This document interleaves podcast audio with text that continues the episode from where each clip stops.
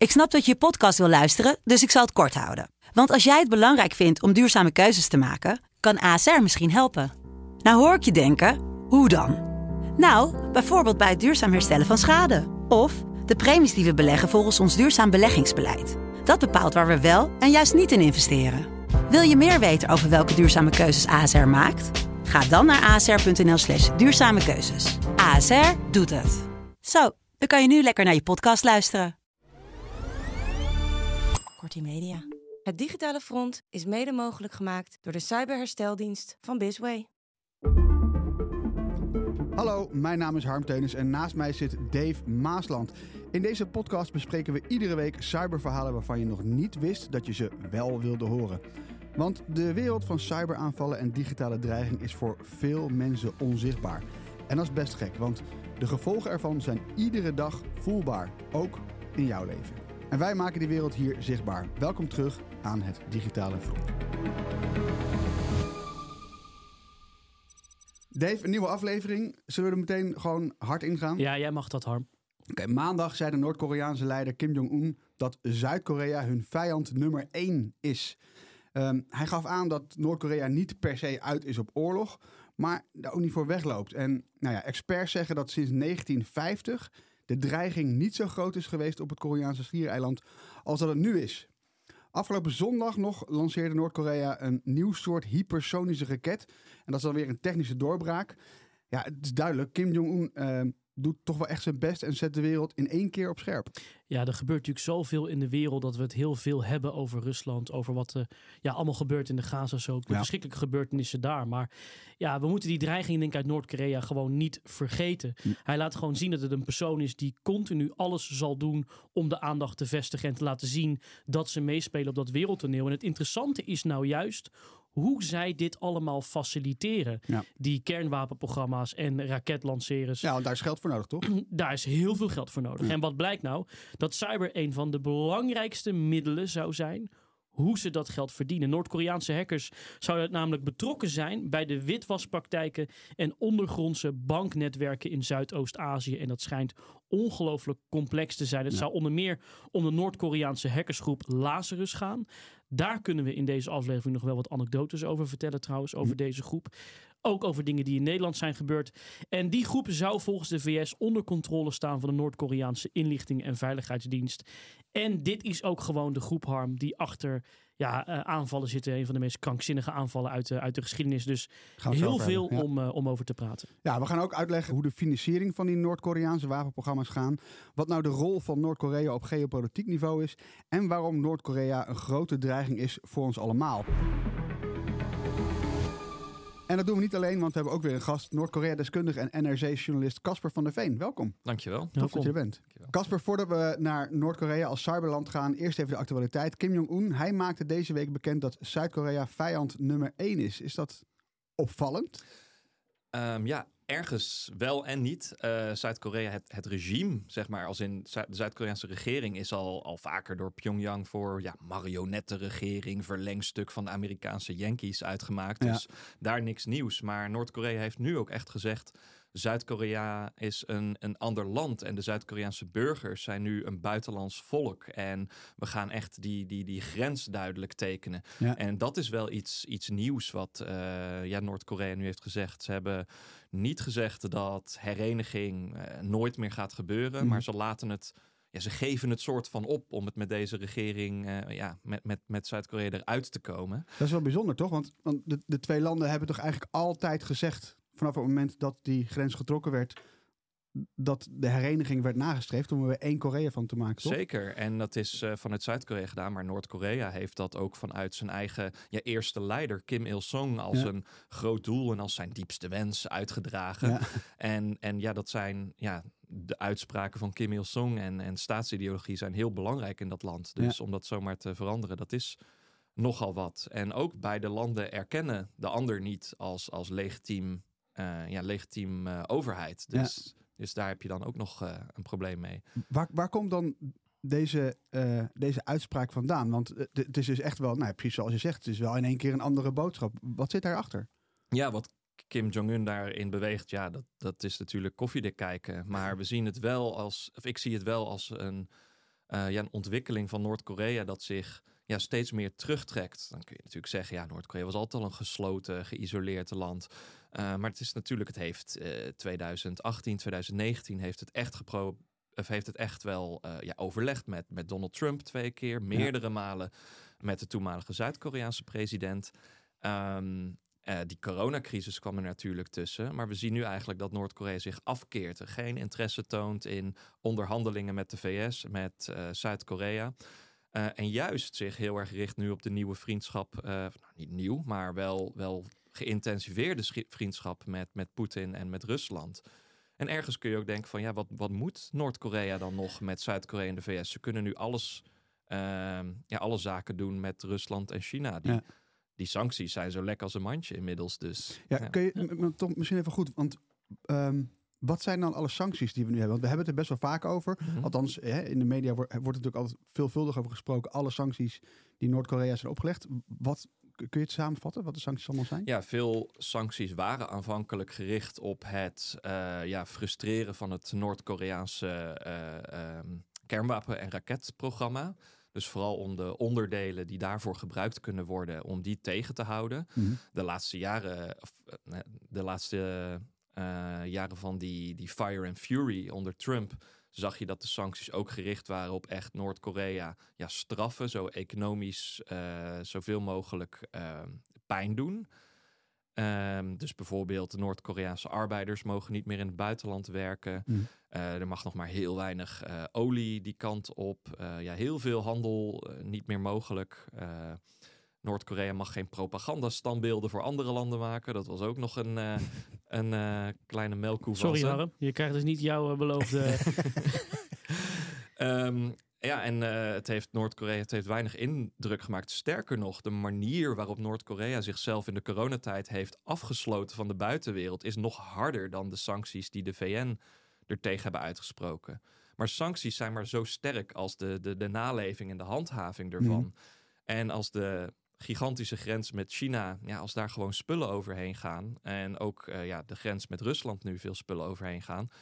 Uh, dan ja, gebeurt er niet zoveel. Je zei ook een paar keer terugtrekken. En Johan Cruijff zei ooit, als je niet kan winnen, moet je zorgen dat je niet verliest. En het voelt een beetje alsof Noord-Korea dat hun enige strategie is. Jezelf ingraven. Ze gaan natuurlijk een directe confrontatie, naar mijn bescheiden amateur geopolitiek, nooit winnen met een VS of wat dan ook. Een directe confrontatie. Maar ze doen er natuurlijk alles aan dat ze niet aangevallen kunnen worden. Of, is, is dat hun strategie in een nutshell? Gewoon zorgen dat ze never nooit kunnen verliezen, maar ze kunnen eigenlijk ook nooit echt een klap uitdelen? Nou, ik denk dat je daar een goed punt hebt. Uh, Johan Cruijff is natuurlijk altijd uh, garant voor die filosofische uitspraken.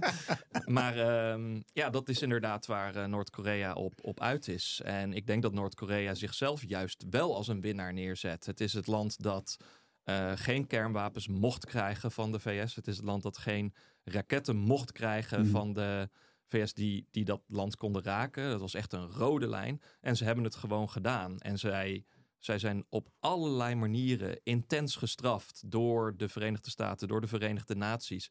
Ze hebben hun gedrag niet aangepast. En veel, je kunt er echt donder op zeggen dat veel andere regimes denken: nou, dit is het land dat de imperialisten op de knieën krijgt. En dat iemand als uh, Maduro in Venezuela denkt: nou, als ik kernwapens had gemaakt, had, uh, dan, dan stond ik er ook uh, anders bij. En dan was Trump misschien ook naar mij toegekomen om me de hand te schudden. Ja. Dat is de enige reden dat Trump natuurlijk met Noord-Korea zaken doet. Dus ja, in veel andere landen wordt het wel gezien als, uh, uh, als een, een winnend land. Ja. Alleen ja, wij, wij zien het natuurlijk heel anders. Maar wat je zegt, inderdaad, heel veel van die, die wapens die Noord-Korea ontwikkelt, die ongelooflijk veel geld kosten. Niet alleen om te maken, maar ook omdat Noord-Korea daardoor een soort ja, internationale paria-status krijgt. Ja. Die zijn bedoeld om ja, te voorkomen dat het land ooit binnengevallen kan worden. Uh, en dat regime ooit afgezet kan worden. Er is nooit iemand geweest die heeft gezegd: Nou, laten we Noord-Korea binnenvallen. Totdat Donald Trump daarop zin speelde.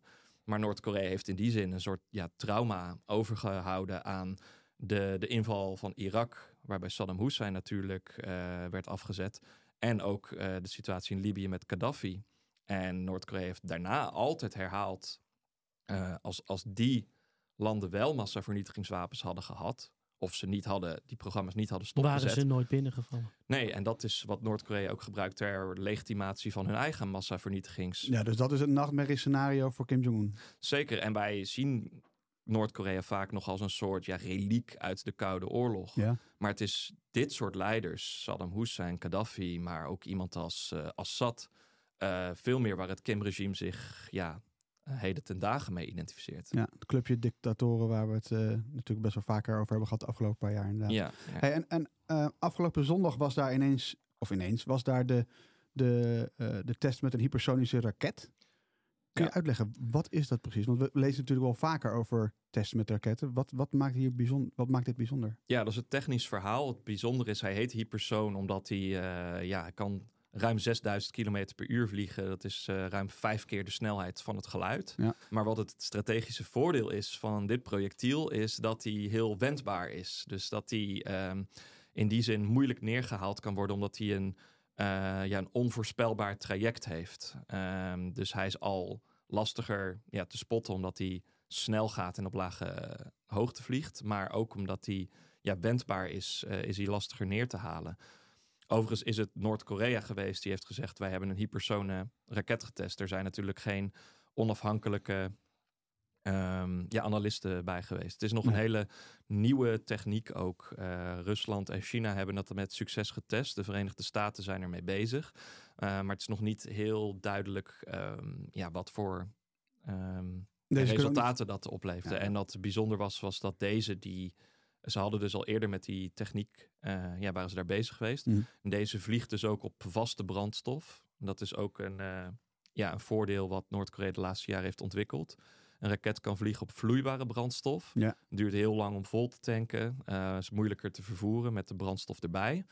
Eh, dus zo'n lancering kun je veel langer van tevoren opmerken. Oh. ja. En een vaste brandstof, dat is echt eh, druk op de knop en Zo'n gaan. klikken en gaan, een soort pak Ja. wat je eraan zet. En, eh, En met die techniek heeft Noord-Korea nu een raket ontwikkeld die een intercontinentale raket. Dus dat is een raket die echt heel Europa en heel de VS kan raken. Europa ook. Ja. Ja, ja 15.000 kilometer, dat Ja. haalt hij wel.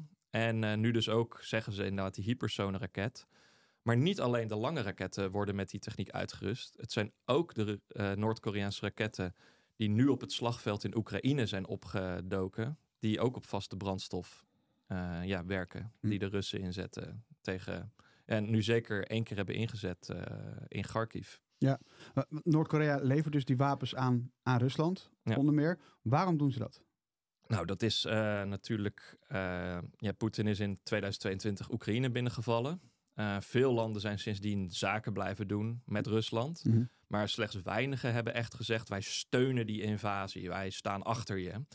En slechts een handjevol landen heeft dat gedaan, ook in de Verenigde Naties. En ja, Noord-Korea is één van die landen geweest. En ehm, we zien nu dat Rusland een tekort aan van alles heeft op het slagveld. Qua geavanceerde wapens hebben zij Noord-Korea natuurlijk niet nodig. Rusland heeft zelf ehm, ja, natuurlijk ontzettend ontwikkeld, ontwikkelde krijgsmacht raketprogramma's, intercontinentale raketten. Uh, maar Noord-Korea levert wel heel veel munitie, mortieren uh, en dit soort uh, raketten voor de korte afstand. En dat is iets waar we zien dat Rusland echt tekorten aan heeft. En ja, het is zelfs zo dat toen in de zomer de Russische minister van Defensie, Sergei Shoigu, um, ja, naar Pyongyang ging, nog eigenlijk voordat de coronabeperkingen echt opgeheven waren, uh, dat Kim Jong-un hem hoogstpersoonlijk over een wapenbeurs rondleidde. Ja, ja. En ja, toen werd ook gedacht, nou, dat, dat hoor je wel vaak. Ah, Zo'n klein landje, wat kan dat nou leveren? Het is ook zo arm. En ja, volgens Zuid-Koreaanse inlichtingendiensten uh, zijn er al uh, zeker een miljoen granaten geleverd vanuit Noord-Korea uh, aan Rusland. Maar we zien nu dus ook dat die, ja, die raketten echt worden ingezet op het slagveld in Oekraïne. En dat is voor zover bekend de, de eerste keer ooit dat zulke raketten zijn ingezet op een echt slagveld, Hm. in een echte oorlogssituatie. En reken er maar op dat ook Noord-Koreaanse uh, technici kijken naar hoe die raketten het echt in een oorlogssituatie doen. Want je kunt ze wel testen uh, ja, in je eigen land, testen Ja, op zee. ja. En dat is iets anders dan ze echt tegen een vijand inzetten. Waardevolle informatie. Waardevolle Ja. informatie voor de ontwikkeling.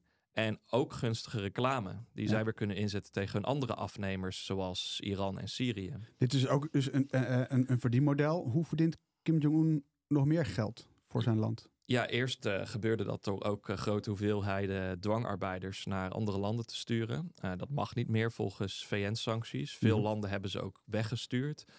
maar in Rusland en China zijn ze, ja, ik wou zeggen, nog steeds actief. Velen zijn gebleven. Sommigen zijn nu na coronatijd weer, weer daarheen gegaan. Mm. Dus, dus daar verdient het mee. Maar wapenhandel is inderdaad een belangrijk ehm, ja, verdienmodel voor Noord-Korea. Uh, ja, en daarnaast uh, natuurlijk een onderwerp populair in deze podcast. Uh, meerdere vormen van cybercrime. Dave, dit is voor mij een heel mooi bruggetje naar jou. Want kunnen we eens een beetje neerzetten dat Noord-Korea niet alleen raketten in zijn wapenarsenaal heeft, maar ook ja. de digitale wapens? Ja, en dat kan je denk ik heel goed in de geopolitieke context plaatsen die we net gehoord hebben. Even terug, uh, waar staat Noord-Korea eigenlijk? Nou, daar hebben we de National, Power, uh, National Cyber Power Index voor. Een van de beste onderzoeken die een beetje kijkt, ja, waar staat nou een land qua capaciteiten? Daar staat Noord-Korea op de veertiende plaats. Nederland trouwens op de zesde plaats, als je het een beetje kan vergelijken. Verenigde Staten op één. En dat kijkt eigenlijk die Cyber Power Index in hoeverre is een land in staat zijn nationale doelen te bereiken door middel van cyber. Nou, en de twee doelen die Noord-Korea met name nastreeft op het cybergebied. En dat past denk ik heel mooi bij hoe Casper het zegt. Is enerzijds um, op echt stip nummer één inlichtingen verzamelen. Strategische inlichtingen verzamelen. Met name op overheden, maar ook de defensie-industrie is een enorm groot doelwit van, uh, van Noord-Korea. Uh, en daarnaast natuurlijk het verzamelen van welvaart. Is, en dat maakt dit ook echt een, een, een hele andere actor, een ander land dan bijvoorbeeld Rusland of, of de Verenigde Staten. Omdat zij echt een van de weinige landen zijn die ja, zwaar inzetten op uh, ja, ook het vergaren van crypto, van letterlijk welvaart. Om je, zich zo, je, zegt, je zegt netjes, het, het krijgen van welvaart. Of het, ja. Maar je bedoelt eigenlijk bedoel je diefstal, neem ik aan. Ja, ik denk dat dit uh, tot de meest verbeeldingssprekende uh, land is wat ze doen op, op het gebied van, van digitale inbraken. We kennen misschien wel het verhaal van ja, toch wel de meest bekende digitale bankroof ooit. Hm. In Bangladesh Bank ooit 81 miljoen dollar gestolen, maar ze waren heel dichtbij om bijna de hele 1 miljard daarvan van te halen. het land kent ongeveer vijf grote aanvalsgroepen die wij ook volgen binnen, binnen onze organisatie. Laat Lazarus. Niet wat jij soms bent dit weekend. Maar Lazarus is een van de meest bekende groeperingen die we kennen. Um, en je ziet ook wel dat ze ook groeperingen hebben. Daarom heel leuk om Casper hier te hebben. Bijvoorbeeld Kim Suki. Kim Suki is een groep die zich ook heel erg richt op individuen. Met name ook journalisten die zich specialiseren in het Noord-Koreaanse regime. Dus dat is ook niet zonder risico als je dit land op deze manier uh, onderzoekt. We zien de laatste tijd, om ze nog even neer te zetten, waar houden ze zich nu mee bezig? Qua inlichtingoperaties zien we enorm veel activiteit in Japan en Korea. Japan ook vanwege de maakindustrie daar. Daar zijn ze vast op zoek naar dingen wat Casper misschien weet. En je ziet natuurlijk dat ze aan de andere kant heel erg inzetten op cutting edge finance. Dus alles wat met fintech, met nieuw te maken heeft. Omdat ze ook zien dat we zijn daar aan het leren met z'n allen. Ja, en daar halen ze veel zaken voorbij. En het, het laatste trucje uit het boek die we kunnen vertellen... is dat we nu zelfs zien dat Noord-Koreanen ja, uh, massaal op afstand solliciteren op banen, bijvoorbeeld in de VS, bij cryptobedrijven. Ja. Tegenwoordig is het een trend dat je mensen op afstand kan aannemen. Nou, dan doen ze zich voor als iemand anders en zo salaris wegsluizen. Ja, wat we, e-, eentje die, uh, die ik toch even wil bespreken, um, ook van, uh, van uh, Lazarus weer, um, is de cyberaanval op Sony. Ja. Die spreekt zo tot de verbeelding. En ik, um, de aanleiding spreekt ook tot de verbeelding. Want we hebben het er over een film die naar de bioscoop gaat. En die film die draait over uh, twee, uh, een, een, journalist uh, en zijn producer die bedenken, ja, we, we willen relevant blijven. Hè. Dit, dit, is het verhaal, dus moet even met me meegaan in het ja. verhaal.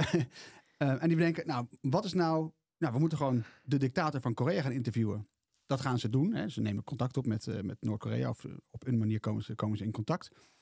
En vervolgens uh, raken de inlichtingendiensten erbij betrokken. Let op, dit is een fictief verhaal. Dit is niet hoe het, hoe het natuurlijk in het echt is gegaan.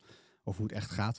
Um, maar de Amerikaanse inlichtingendiensten die zeggen tegen die journalisten, tegen die in dit verhaal, van joh, vermoord Kim Jong-un anders even. En, dit is dus een, en daar gaat die film Dit is een filmscript, ja. ja. Um, die film, de interview heet die. Um, komt bijna naar de bioscoop. Eh, er wordt natuurlijk van alles nog wat aan promotie gedaan. Noord-Korea komt erachter. En die beginnen, die breken in bij, eh, bij Sony. Wiper aanvallen. Ehm, en die dreigen bovendien met, eh, met nog veel meer geweld. Als die, als die film in de bioscoop komt, te- komt te draaien. En een paar dagen, een paar uur voordat de film daadwerkelijk in première gaat, grootschalig première, trekt Sony de stekker eruit. Zegt: nee, nee, dat gaan we niet meer doen. Waarschijnlijk uit angst voor, eh, voor, voor aanvallen, voor nog meer aanvallen. Er werd zelfs gezegd: vergeet 9-11 niet. Letterlijk gezegd. Nou, Lazarus ehm, ehm, zou hierachter zitten. Maar wat ik wel interessant vind, Casper, is misschien een aardige voor jou. Jij, jij kent dit verhaal ook, hè? Je, je kent, Zeker. Heb je de film gezien? Ja, zeker. Voordat mensen er een eh, spannende spionagetriller verwachten. Het Ja. is wel een film met James Franco en Seth Rogen. Hè? Dus, Ja, eh, bereid je voor dat Hele het slappe een- comedy, eh, maar wel met dat onderwerp. Maar waarom was Noord-Korea hier nou zo boos over? Het is op zich ook wel bijzonder hè, dat je een film maakt waarin je dus de echte naam van de leider Normaal eh, gebruikt en, ze en dat. die Ja, ja. vermoordt, spoiler alert. Dat, ehm, dat, dat is wel bijzonder. Je hebt Ja. eh, weinig films waar echt eh Poetin of Xi Jinping eh, echt worden aangevallen met de eigen naam. Dus ehm, in die zin leek Noord-Korea ook lang een, eh, een lekker onschuldig, onschuldige schurk in de film. Want Mhm. ja, in tegenstelling tot Rusland en eh, China doen we er niet zoveel zaken mee, kunnen ze niet zoveel terug doen. Ja, ja, ja. Eh, ja, ik vind het ehm, interessant wat je zegt, want ehm, die, die film die werd inderdaad eh, last minute teruggetrokken. Ehm, in de VS was er ook nog wel, kort daarvoor was er een schietpartij geweest bij eh, Batman film, meen ik. Ja, dus dat dat, waar, ja. eh, dat stond daar ook nog wel op in het geheugen gegrift. Ehm, dus er was wel de angst dat er echt iets kon gebeuren. Maar wat opmerkelijk is, vind ik ook in, in eh, tegenstelling tot het verhaal wat je net vertelt. We zien hier dus een hack die gebeurt om ja, de eer van de leider te beschermen. Dus om, om, om politiek-ideologische redenen. En we zien dat daarna Noord-Korea, misschien ook eigenlijk al wel tegelijk, maar daarna veel meer Noord-Korea een pad in is geslagen voor ja, eh, uit financieel gewin. Ja. eh, die hack, hacks plaatsen.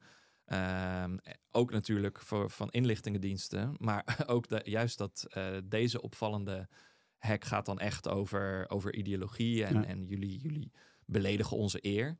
Terwijl die in Bangladesh eh, iets later veel meer ging om gewoon ordinair geld jatten. ja, ja. Ja, je ziet dat het echt een afwijking is van het cyber, de cyberstrategie van Noord-Korea. En dat is ook wat we de luisteraars denk ik vaak mee willen geven. Dat cyber is altijd een middel. Er is een doel dat een land heeft. En in dit geval Ja. was dat dus een, eh, ja, hun nationale eer beschermen. En dus plegen ze een van de weinige sabotageacties. Hij kwam net even heel kort te sprake. We moeten niet doen alsof Noord-Korea niet kan saboteren. Mhm. Eh, dat hebben ze natuurlijk in 2017 met WannaCry laten zien. Ja. Dat ze eigenlijk, ik weet de kop van het AD nog, daar stond toen boven de wereld wordt gehackt. ja, kun je nog heel even, wat, wat gebeurde daar ook alweer? Ja, er was een kwetsbaarheid in een softwaresysteem. eh, wat er eigenlijk voor zorgde dat een computervirus zichzelf kon verspreiden. Een worm, wat we al eens vaker hebben gezegd, Eternal Blue, voor de mensen die het leuk vinden. Ja, dus van, het ene, van de ene computer gaat hij Exact. over... Ja. En wat ze dus hebben gedaan, is ze hebben die worm losgelaten. En je zag eigenlijk over, toevallig waren we destijds op een cybersecurity conferentie. En je zag op een gegeven moment letterlijk in die zaal tijdens een presentatie iedereen op zijn telefoon kijken. Naar elkaar toe komen. Ja, joh, en ze- ja. van alle verschillende security bedrijven van jongens, dit is niet goed. We krijgen massaal meldingen. en Tijdens die moet iets- conferentie. tijdens die conferentie. En gelijk al die onderzoekers met elkaar en overleggen van ja, wat gebeurt hier? En het bleek dus inderdaad Noord-Korea een kwetsbaarheid. En we hebben onlangs nog gezien dat een van de grootste softwarepakketten ter wereld die voor telefonie wordt gebruikt, zo'n 12 miljoen klanten, eh 3CX, daar hebben we eh, met een onderzoek van onze organisatie kunnen bewijzen dat Lazarus daarachter zat. Mhm. Wat hebben ze gedaan? Want ze waren dus binnen bij die software. Vervolgens, als jij gewoon die telefonie software gebruikte, ja, was je, was je dus besmet. Ja, ze hadden dus eh, eh, 600.000 bedrijven plat kunnen leggen. Ongeveer net zoveel als er in Nederland zijn. Mhm. Als je de ZZP'ers weghaalt. Maar hebben ze gebruikt om een soort crypto scam op te draaien. Ja. Dus we moeten altijd oppassen dat Noord-Korea, als het geagiteerd is, ook een sabotageaanval zou kunnen, zou kunnen uitvoeren. Ja, en wat je net ook zei over dat eh, Noord-Korea echt die cutting edge eh, fintech zoekt. Het is natuurlijk eh, voor Noord-Korea een manier om, om ja, natuurlijk de nieuwste technieken op te doen. Maar het is ook een manier voor Noord-Korea, en dan gaan we weer terug naar die sancties, om het reguliere betaalsysteem eh, te omzeilen. Noord-Korea is Ah, uitgesloten van SWIFT. En zij zijn dus zeer geïnteresseerd in alternatieve manieren om, om aan geld te komen en ook om transacties te doen.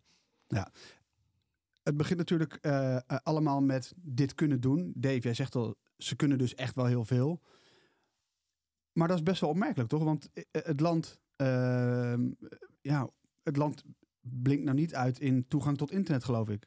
Nee, het is een eh, ja, centraal geleide dictatuur. en het heeft eh, ja, rond de duizend eh, IP-adressen. Iemand schatte het een keer op 1024, wat natuurlijk een heel mooi getal is in deze setting. Maar ehm, wat Noord-Korea al sinds de jaren negentig doet, is eh, jonge mensen met eh, talenten in, ehm, in wiskunde inzetten op eh, ja, programmeerskills en dan hackskills. En ja, echt ze, ze in die IT-wereld te duwen. Het is natuurlijk ook een land waar je niet vrije baan kiest vaak. Dus ja, je wordt zelf op je talent gekozen. En daar is al vroeg op ingezet. En je ziet dat Noord-Korea daar ook echt successen mee heeft geboekt. Maar de eigen bevolking eh, heeft helemaal geen toegang tot het internet. En dat is iets wat Noord-Korea eigenlijk als een grotere bedreiging nog ziet dan de Amerikaanse krijgsmacht in deze. Dat, ehm, dat de eigen bevolking toegang tot externe informatie zou kunnen krijgen. Maar betekent dat dat deze mensen die dus getalenteerd zijn, gerecruit worden, opgeleid worden, gaan die, gaan die dan aan het werk vanuit Noord-Korea? Of, of stallen ze, want we- hè, we hoorden je zeggen, ze hebben eh, ja, ja, eh, slavenarbeid zeg maar in het buitenland. Mhm. Worden deze mensen ook naar het buitenland gestuurd om het vanuit daar te doen of doen ze dit vanuit Noord-Korea? Allebei, maar het is veel ook inderdaad eh, vanuit andere landen, met Hm. name in Azië, dat we zien dat eh, Noord-Koreaanse cyberaanvallen aangestuurd worden. Misschien ja, kun jij er meer over zeggen, maar het is niet dat ze nooit vanuit eh, Noord-Korea zijn eh, uitgevoerd. Nee. Nee, je ziet ook eh, dat ze uiteindelijk ook bedrijven in Europa of ergens anders, dat ze daar inbreken en vanaf daar de operatie uitvoeren. Ja. Maar zeker ook in andere landen. We hebben daar een. Ja, ik heb er wel eens een, voor, een voorbeeld, anekdote van, die ik trouwens nog nooit achter een microfoon of camera heb verteld. Ah, dus nou, eh, gaan we er even, even, even goed voor zitten. Kijk, Ja. wij hebben op een gegeven moment ehm, een onderzoek gedaan naar een aanval op een Nederlands defensiebedrijf. Om een beetje een gevoel te krijgen hoe ze dat, eh, hoe ze dat doen. Vanwege de extreme gevoeligheid kan ik kan niet helemaal de precieze tijdlijn, maar ik neem jullie een beetje mee in die setting ongeveer. Dat, dat was ongeveer in december dat ik een e-mail kreeg van een van onze onderzoekers wereldwijd. Die mij één regel stuurde. Dave, we hebben iets gevonden bij een klant. Kan je nu contact opnemen? Dus ik bel onze, onze onderzoeker. En wat gebeurt er? Je moet eigenlijk oh ja, soms een antivirussysteem ook zien als een soort X-ray op Schiphol. Dat je soms een, een, een koffer door de X-ray haalt en, en je ziet dat er iets in zit. Je weet niet wat het is, maar het zou wel eens slecht nieuws kunnen zijn. mhm. En onze onderzoeker die, die gaf eigenlijk gelijk aan van... joh Dave, wij hebben hier iets gevonden. En dat heeft alle kenmerken van een, eh, van een statelijke actor. Alleen, eh, ja, het is er zomaar opgevallen. Wij kennen de klant niet. Eh, we weten niet precies wie, wie het is. Kan, je erachter, kan je erachteraan gaan? En uiteindelijk hebben we het bedrijf gevonden. Nou ja, ga dan maar eens een defensiebedrijf opbellen. Vertellen zonder dat we daar een goede één-op-één relatie mee hebben. Want software wordt verkocht via andere IT-bedrijven. Joh, uw bedrijf wordt waarschijnlijk aangevallen door Noord-Korea. Mhm. Nou, dat verliep een beetje raar, dat contact. Uiteindelijk heb ik de CEO via LinkedIn weten te bereiken. Ehm, om contact te krijgen en te zeggen: joh, we hebben zeer zware aanmoe- ver- eh, ja, eh, eh, aanwijzing dat je op dit moment wordt aangevallen. En eh, nou, die CEO contact opgenomen, hebben we heel goed mee samengewerkt. Eh, dat bleek inderdaad om een, om een systeem te gaan. Later is dat bij een conferentie onbedoeld in een groter verhaal naar buiten gekomen. Oh. Want daar hadden wij niet direct baat bij vanwege onze nationale veiligheid. Dus dat kwam op de NOS eigenlijk voordat wij de tijd hebben gehad om met alle mensen goed te spreken. Dus ik weet tot op de dag van vandaag dat dat zelfs in de legertop best nog wel een ding is als je moet lezen dat een van je leveranciers. Ja. En waar Noord-Korea ook ongelooflijk goed in is, is, is echt social engineering. Voor een land wat zo iso, iso, ja, geïsoleerd is, weten ze goed in te spelen. Zij gebruikten dus een neppe baanaanbieding bij dit bedrijf, Project Kuiper. Zegt u misschien iets? Het Ja. satellietproject van Ja. Amazon. Om daar Nederlandse engineers mee. En alles leek goed. Advertenties, extreem hoge salarissen en via LinkedIn. Dus geen spearfishing e-mail, maar echt een gerichte eh, eh, bericht via LinkedIn. Toegang tot het systeem van die engineer. Ja, Ja. en uiteindelijk zijn ze daar, eh, als je dan ook kijkt naar wat ze gemaakt hebben. Ja, is dit echt wel een, een land wat in staat is tot zeer geavanceerde malware. En dit is één toevalstreffer die we hebben gehad. Maar ga er maar vanuit dat die eh, strategische inlichtingenoperaties veel omvangrijker zijn in zeven landen tegelijk wat wij hebben gezien. Ja. Maar dat gaat nog veel verder. Maar weten we ook wat voor technologie er eventueel is buitgemaakt bij het Nederlandse bedrijf? Wat we weten is dat ze, toegang, dat ze diepe toegang hadden tot dat systeem. Ja. Eh, waar ze precies allemaal bij zijn geweest, eh, eh, één, dat weten we niet. En dan zouden we het wel weten, zouden we het niet precies kunnen zeggen. Maar het feit hoe ze zijn binnengedrongen en dat dat zo succesvol is geweest, Met dat social Ja, engineering. dat laat wel zien dat die zorgen ook in de defensieindustrie, ja, dat die denk ik wel terecht zijn. Ja. Als we nou kijken naar cyber. ehm, wordt cyber gebruikt als militair of als crimineel verdienmodel? Zou ik van jullie beiden eigenlijk wel willen horen. Ja, Ik heb er wel een mening over, maar ik ben eerst benieuwd naar Casper. en dan heb ik wel wat... eh, ik denk dat je ziet dat het allebei eh, zo is. En ehm, het wordt gebruikt om, om geld buiten te maken. Dus crimineel. Het wordt gebruikt om militaire ehm, ja, middelen eh buiten te maken. Of, of, of ja, bepaalde eh, ja, technologieën die ze niet hebben om, om die te stelen. En het wordt gebruikt om andere inlichtingdiensten, krijgsmachten, landen te saboteren. Dus dan heb je militair en crimineel in één Ja, keer. ja. Eh, dus ja, en ik zie wel inderdaad echt zelf veel dat, dat Noord-Korea het gebruikt om, om de sancties te ontwijken. Eh, maar ja, het heeft ook ongetwijfeld invloed op het, het soort wapensystemen dat, we, dat zij ontwikkeld hebben. Al is het altijd moeilijk om aan te tonen, één op één, wat die relatie is. Ja. Omdat Noord-Korea ook autonoom gewoon heel veel indrukwekkende eh, ja, of kernwapens en andere technieken heeft weten te ontwikkelen. Ook eh, Ja. voordat zij heel erg op, eh, op het hekken zaten al. Dus Ja, er zijn wel wat goede rapporten en cijfers hierover. Eh, om te beginnen vind ik het heel interessant dat Noord-Korea dus eigenlijk de grootste kracht van het Westen of van de rest van de wereld, innovatiekracht eh, in crypto, dat we daar dat ze dat eigenlijk ja, eh, misbruiken. Dus dat, dat doen ze denk ik ontzettend slim. En we moeten dus ook denk ik in perspectief gaan plaatsen dat dat niet een druppel op een gloeiende plaat is. Tenminste, niet als ik de rapporten mag geloven. Ehm, als we even kijken naar wat voor soort eh, bedragen hebben ze nou buitengemaakt. Vanaf 2017 zou het gaan te, om bedragen tussen de 5 en 10 miljard. Wat ze met verschillende digitale overvallen hebben gepleegd. Ja. Alleen in 2022 al waren er een aantal grote klappers die te verifiëren zijn. Hebben ze 1,7 miljard euro buitgemaakt. Dat is, heb ik me laten vertellen, 5% van de hele economie. En 47% van het hele militaire budget. Dus als je kijkt dat ze in 2022, als je alles bij elkaar optelt, 3,5 miljard hebben verdiend, staat dat gelijk aan het hele militaire budget wat zij zouden hebben. Hm. Eh, of dat allemaal, nou goed, het is geverifieerd in de rapporten van Recorded Future en Reuters. Maar het geeft dus al aan, nogmaals, het is geen druppel op de gloeiende plaat. De hele export van Noord-Korea ligt rond de 170 miljoen dollar, heb ik me laten vertellen. Dus dit gaat, die, al die ene hek alleen al, Ja.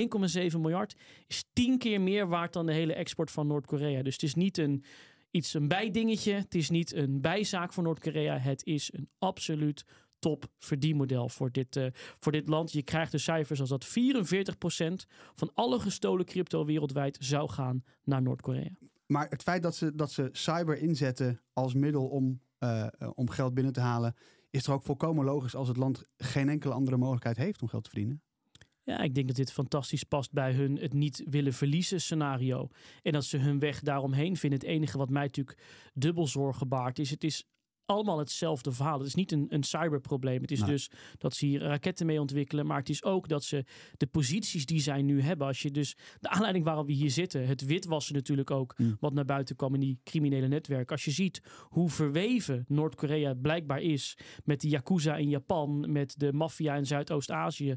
Ja, dan is dit helemaal niet een land wat zo geïsoleerd, geïsoleerd is. Nee. Het is vooral geïsoleerd, denk ik, van de traditionele systemen. Maar niet, denk ik, op het moderne wereldtoneel. Het is geïsoleerd, je kunt er niet zomaar naartoe. En eh, het is eh, geïsoleerd dat eh, het isoleert vooral zijn eigen bevolking van de rest van de wereld. Ja, maar het doet gezegd, natuurlijk veel zaken met allerlei landen. En jij noemt inderdaad Yakuza, maar we hebben het nu net gehad over de, eh, de wapens die Noord-Korea aan Rusland verkoopt. Maar het doet al veel langer zaken ook met allerlei andere landen, met, met Syrië en Iran. En we hebben ook gezien dat veel van die raketten dan in de handen eindigen van Hamas en Hezbollah. Eh, ook veel regimes in, in Afrika, Ja. met Cuba. Eh, dus, eh, en dat is ook een belangrijk verdienmodel. Dus inderdaad, als je die cyber en die wapenhandel bij elkaar hebt, dan eh, heeft Noord-Korea inderdaad eh, twee dingen eh, waar ze heel veel geld mee binnen, binnenhalen. Casper, dankjewel. Graag gedaan. We hebben nog een andere gast, Harm. Hele Want belangrijke gast. we horen hem vaak alleen maar. Ja, Ik ken hem al wat langer, jij nog niet. Je gaf net aan dat hij je verrast bent door zijn, door zijn bruine ogen. Maar hij is hier. Ja. Bart Lageweg van Cyberhersteldienst BIS WBV. Onze sponsor en vriend van de show. Maar vandaag hier bij ons in de studio. Dus Goed, hè? Bart, welkom. En volgens mij eh, gaan we natuurlijk wel verder wat we, ja, wat we van je gewend zijn. Namelijk een fantastisch verhaal van het digitale, digitale front.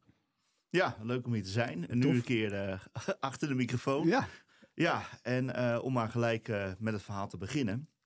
Ehm, ik wil het heel graag hebben eh, over de zeven fases bij ransomware. Want eh, wat heel veel mensen denken, en dat krijgen we ook steeds terug te zijn. eh, er is vast iemand op een zolderkamer die heeft dan dat bedrijf echt uitgezocht. Dus nou, we gaan die eens aanvallen, die gaan we hacken. Dan gaan we die versleutelen.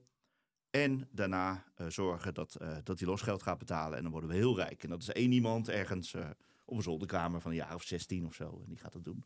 Maar goed, wij weten natuurlijk hier, zeker hier aan tafel, eh, dat het gewoon criminele organisaties zijn. En ik ga ze ook gewoon zo noemen. Want volgens mij Ja. zijn, ja, het, zijn, het zijn bedrijven. Eh, en ehm, ik wilde graag, eh, zeker als ik nu eens hier zit, gewoon die zeven stappen eens doornemen. Van wat gebeurt er dan? Want als ik het goed heb, eh, we moeten natuurlijk de podcast ook altijd ja, proberen de mensen wat jargon bij te brengen. Natuurlijk, Ja, dan kan je ja, een beetje cyberen op verjaardagen.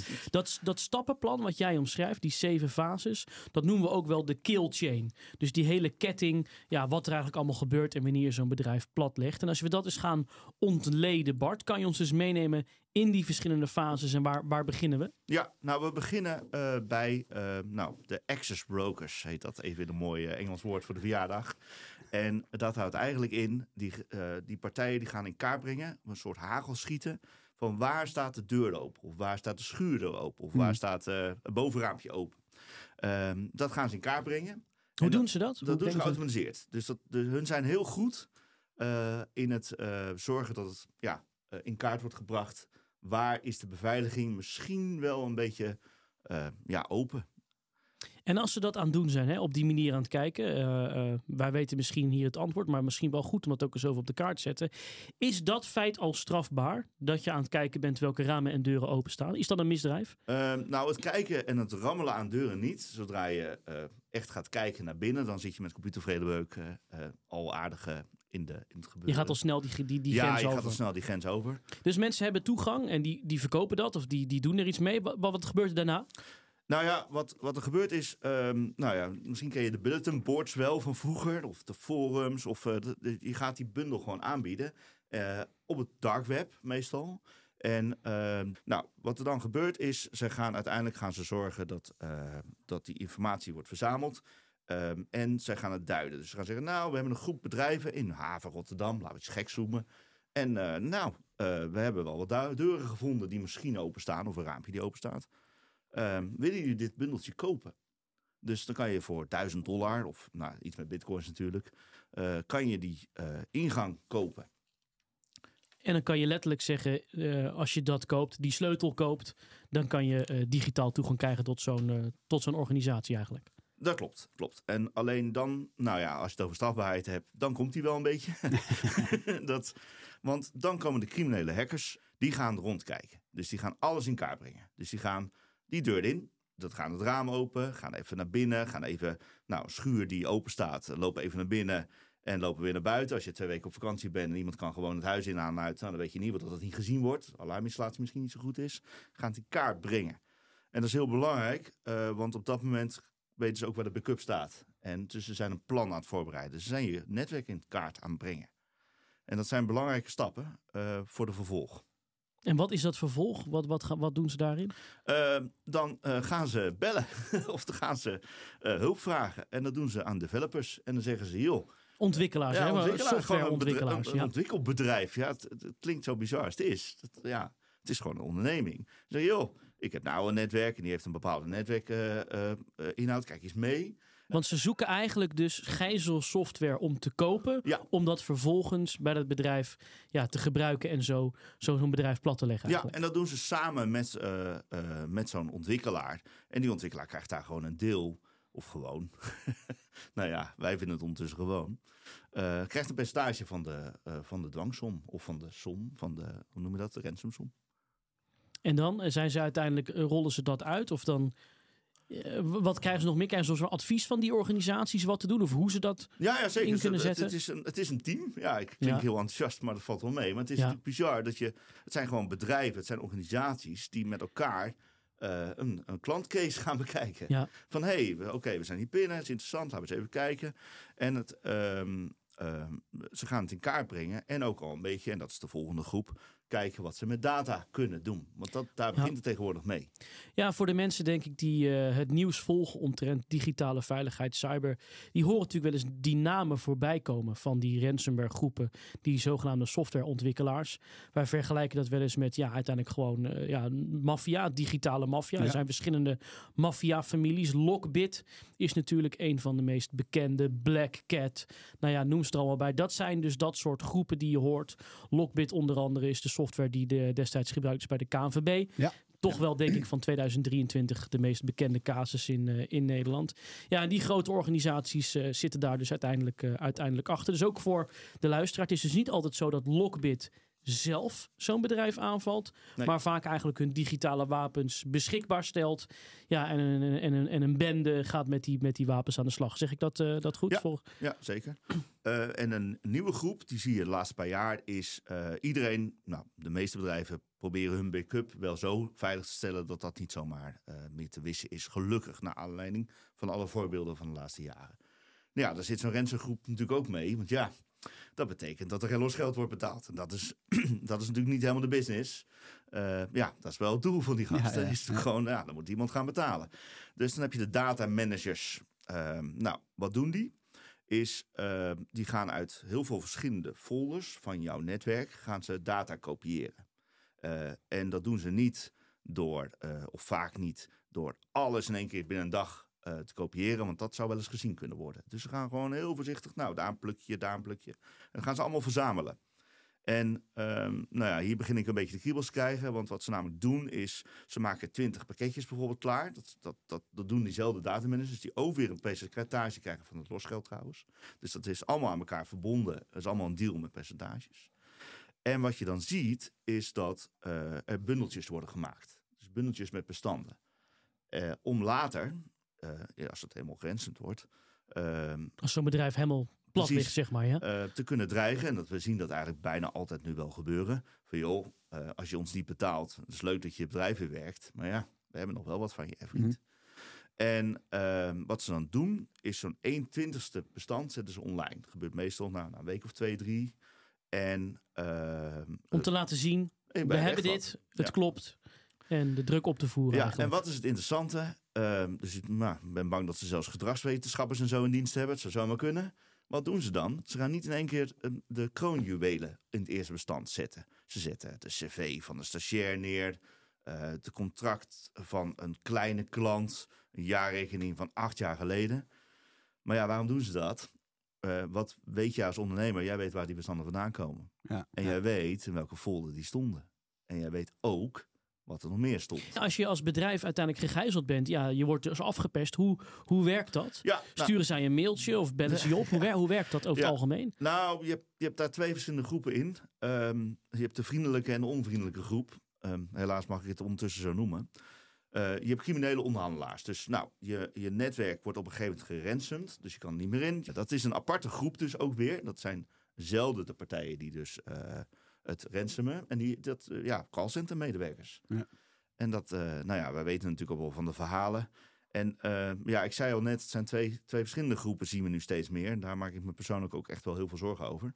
Want de eerste groep is, die gaat met jou praten en zegt, joh, als je nou betaalt en dan, dan, dan stoppen we met die data, dan verdwijnt opeens de melding. Nou, je hebt net een voorbeeld genoemd van een dark web en dan eh, zou Ja. er wel eens betaald kunnen zijn. Eh, dan wordt de data niet verder gelegd. Joh, we hebben een beetje scan gedaan en eh, nou, je, de beveiliging op, optimaliseren. Het rapport heb je nu in ieder geval vast. Is een beetje duur misschien, maar eh, nou, dus, eh, nou, je hoort het mij ook al zeggen. Het is niet eens een hele grote toon. Alleen, eh, dat is de eerste groep. De tweede groep, chasers worden die genoemd. Ja, en die vind ik wel, nou, daar, daar maak ik me echt zorgen over. Want daar komen echt criminele groepen als je niet zo goed luistert. Ja, en die gaan jouw vrouw bellen om vier uur s'nachts. Van, eh, weet je dat we dit soort dingen hebben? Die gaan je kinderen op Facebook benaderen. Die- Ja, we hebben laatst gezien bij een eh, kankerziekenhuis in Amerika.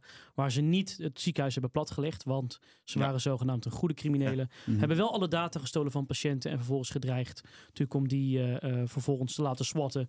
Door SWAT-teams naar binnen te laten komen. En dat, ja, daar zie je ook wel dat die dreiging serieus is. Als je ons meeneemt dan. Volgens mij zijn we ook zo, uiteindelijk een beetje bij zo'n zo'n laatste fase. Van ja, Ja. oké, ik ga wel betalen, niet betalen. Uiteindelijk betalen ze. Wat doet zo'n groep ermee? Hoe komen ze daarmee weg? Ja, dan heb je de groep witwassers. En dat is een grote groep. Dat ik, nou, het vermoeden is dat die ook wel een aardig percentage krijgen.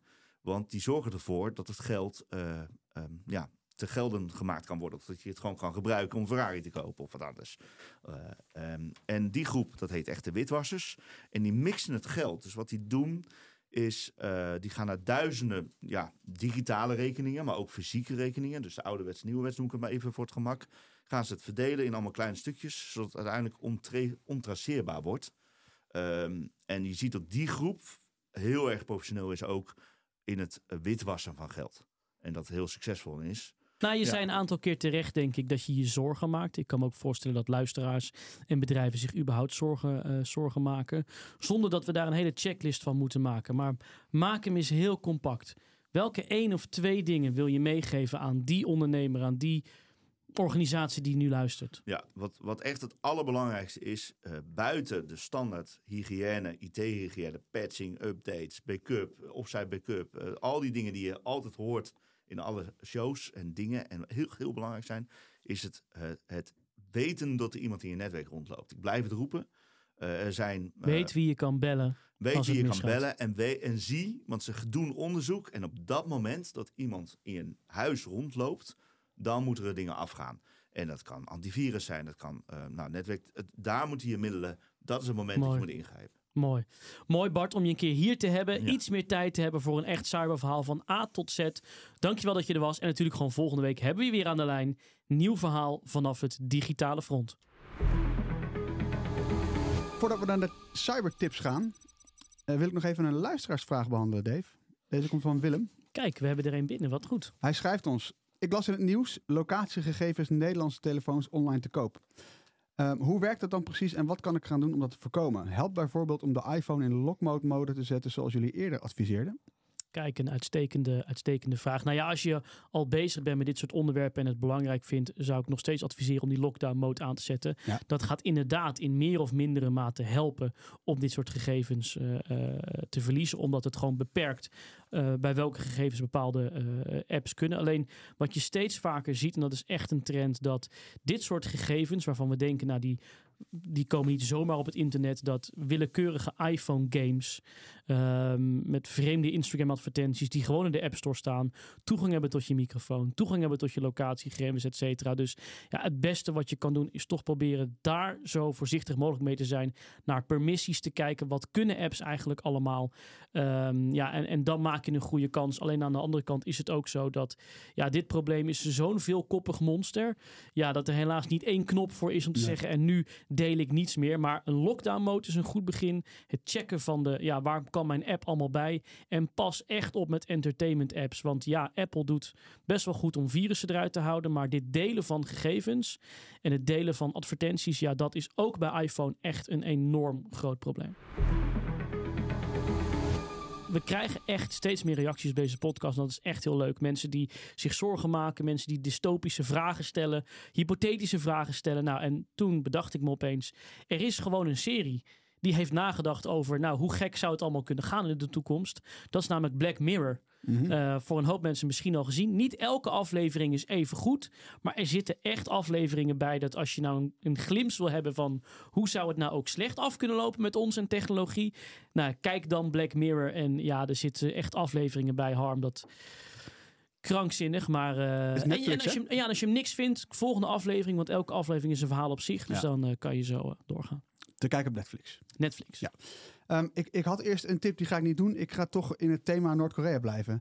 Ehm, ik heb een, eh, afgelopen jaar heb ik een boek gelezen eh, dat heet Het meisje met de zeven namen. Eh, ken je het boek, Casper? Ja, zeker. Ik heb haar ook geïnterviewd. Oh, wauw. Ja. Oh, waanzinnig. Nou, ja, een waanzinnig eh, eh, verhaal eh, van een meisje die 15 is, zeg ik even uit mijn hoofd, tiener, op het moment dat zij besluit eh, Noord-Korea te ontvluchten. En haar verhaal, hoe zij van Noord-Korea vlucht naar China, via China naar, eh, ja, wat is het, Laos. Echt een waanzinnig, waanzinnig mooi Oh, verhaal, dit, heel ja. spannend verhaal. Met echt ongelofelijke Jij moet weer de beste tip hebben, hè, Harm? Het boek is eh, eh, paperback, kost die 22 euro als e-book 7,99. Dat is mijn tip.